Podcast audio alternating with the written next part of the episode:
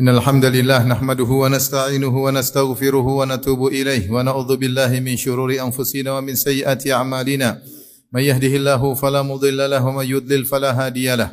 أشهد أن لا إله إلا الله وحده لا شريك له وأشهد أن محمدا عبده ورسوله لا نبي بعده. يا أيها الذين آمنوا اتقوا الله حق تقاته ولا تموتن إلا وأنتم مسلمون.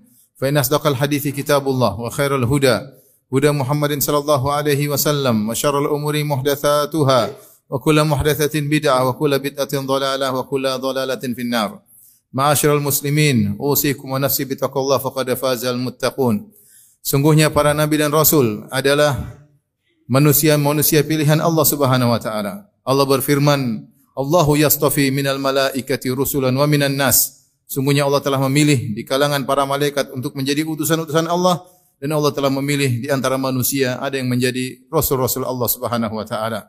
Allahu a'lamu haitsu yaj'alu risalatah. Allah lebih tahu di mana dia letakkan risalahnya, siapa yang berhak menjadi rasulnya. Mereka adalah orang-orang pilihan dan mereka adalah orang-orang yang merupakan kudwah dan teladan.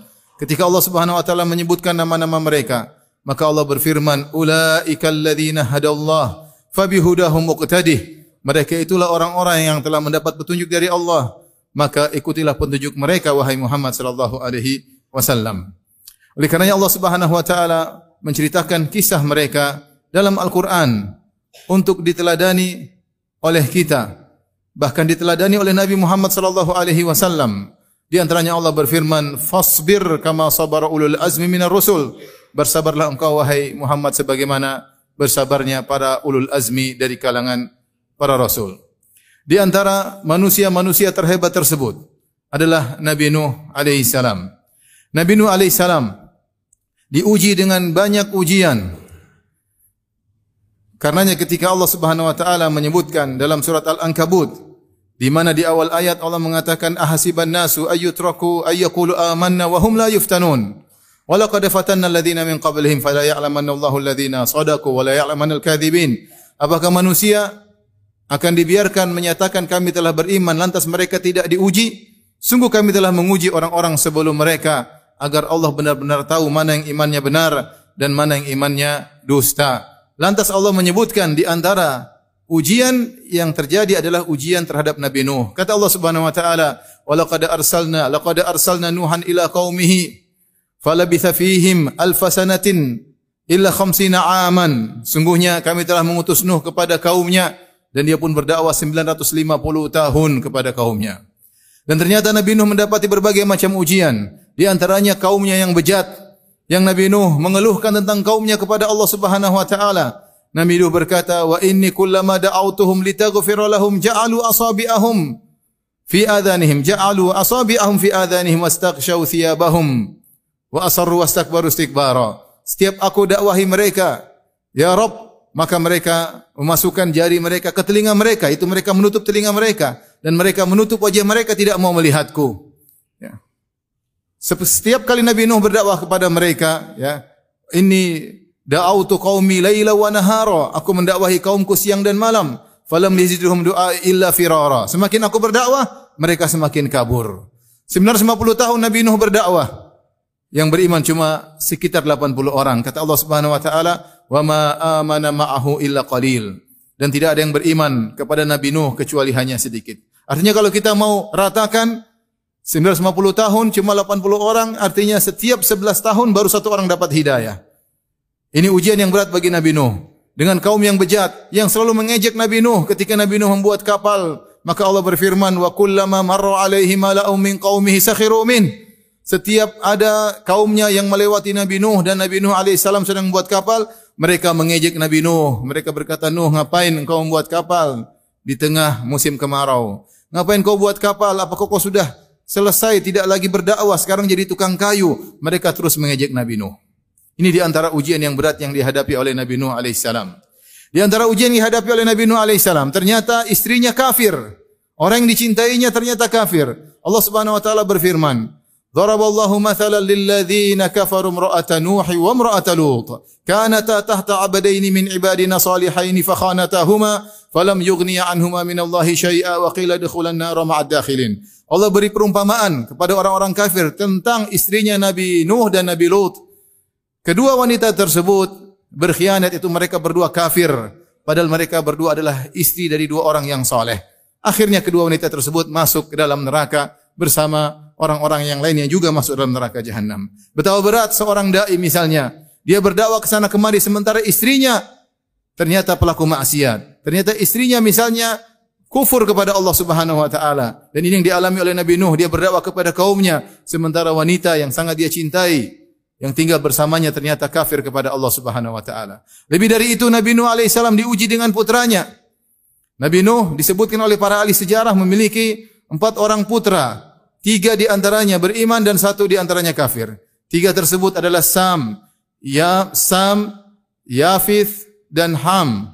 Ketiga ini beriman kepada Allah Subhanahu wa taala dan seluruh manusia kembali kepada ketiga orang ini. Adapun yang satu Yam, maka dia kafir kepada Allah Subhanahu wa taala. Dan Nabi Nuh mendakwahinya, ratusan tahun mendakwahinya, namun dia tidak beriman kepada Allah Subhanahu wa taala. Sampai di akhir hayat ketika anaknya akan tewas Nabi Nuh tetap tetap mendakwahi sang putra.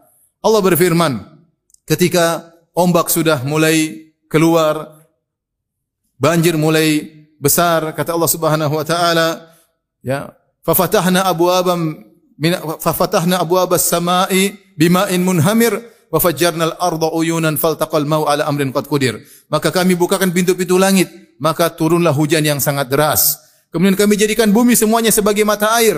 Sampai kata Allah hatta idza faratan nur, sampai dapur yang harusnya keluar api malah keluar air ketika itu. Air memenuhi bumi. Dan Nabi Nuh dan kaumnya yang beriman pun naik di atas kapal. Kata Nabi Nuh alaihissalam, "Wa qala irkabu fiha bismillahi majriha wa mursaha. Inna rabbi laghafurur rahim." Naiklah kalian di atas kapal dengan mengucapkan bismillah dengan ketika berlabuhnya kapal maupun bersandarnya kapal.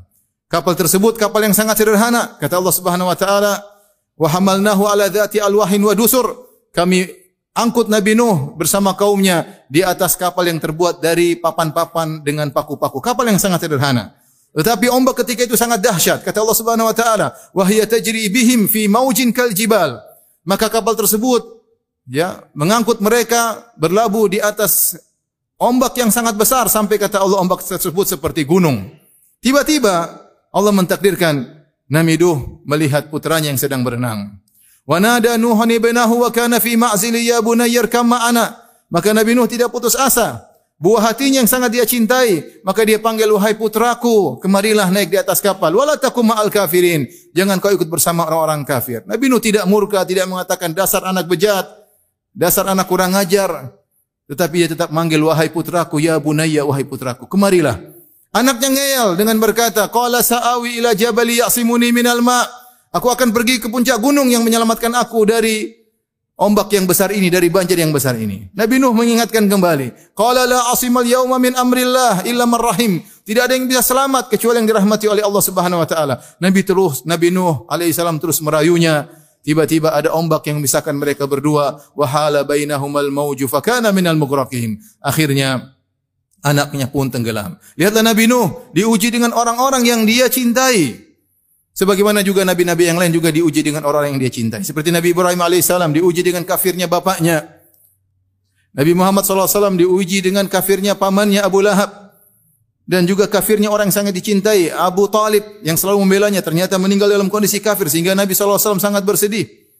Nabi Lut diuji dengan istrinya yang kafir dan Nabi Nuh alaihissalam diuji dengan istrinya dan anaknya yang kafir. Bertubi-tubi ujian dihadapi oleh Nabi Nuh alaihissalam tetapi dialah hamba yang bersabar. Oleh karenanya ketika Allah Subhanahu wa taala menceritakan kisah Nabi Nuh terhadap Nabi Muhammad sallallahu alaihi wasallam di ujung kisah Allah berkata fasbir Innal aqibata lil muttaqin. Bersabarlah wahai Muhammad.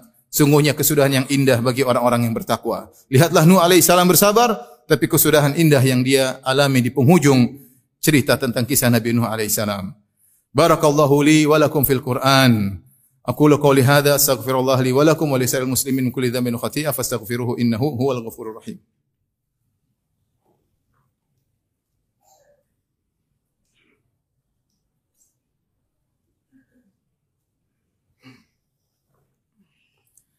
Alhamdulillahi ala ihsani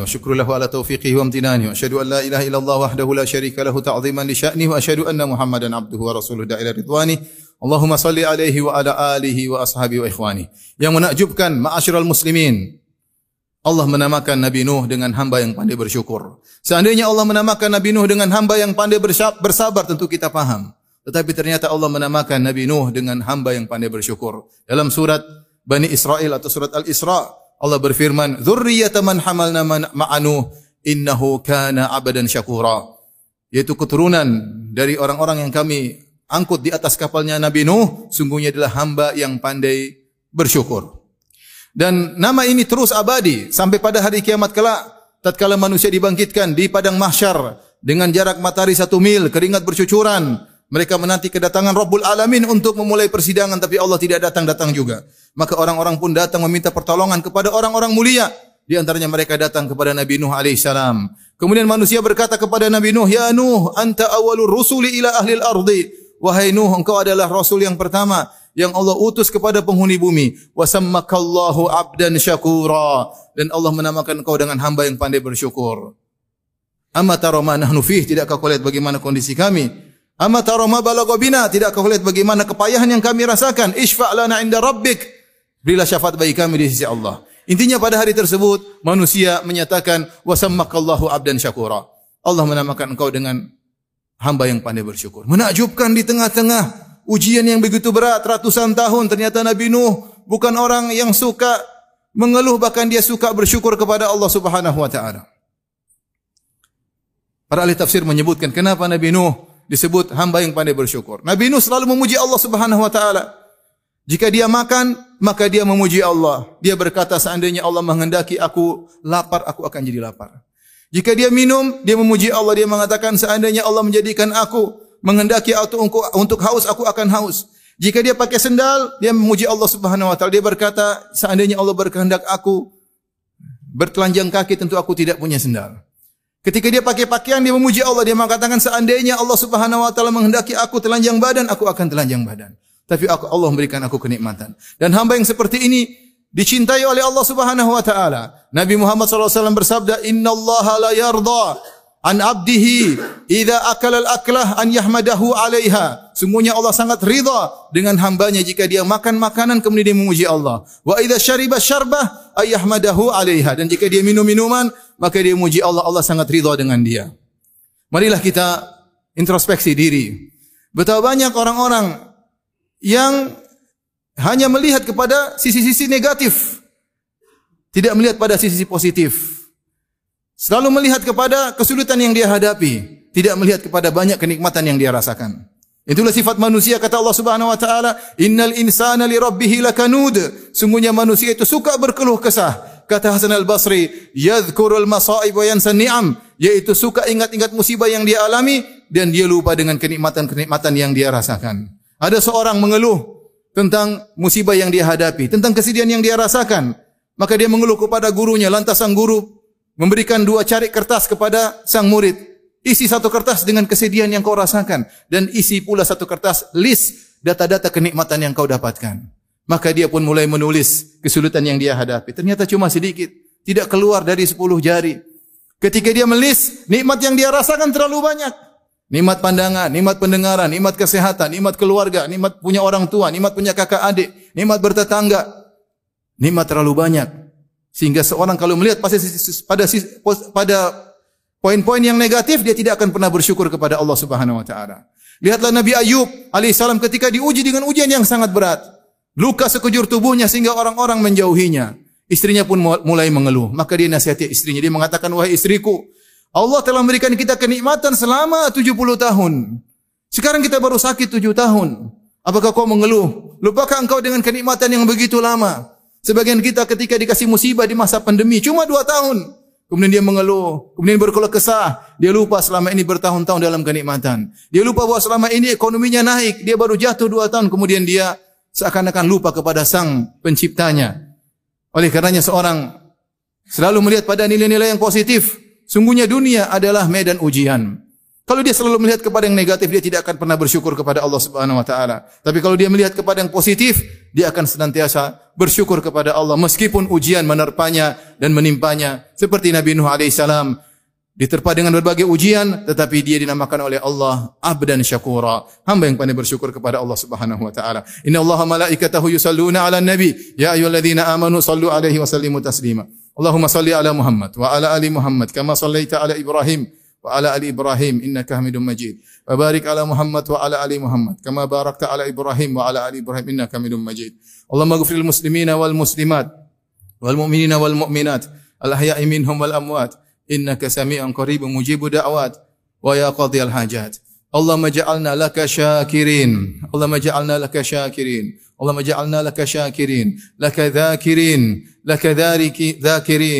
لك ذاكرين. ربنا آتنا في الدنيا حسنة وفي الآخرة حسنة وقنا عذاب النار وأقيموا الصلاة.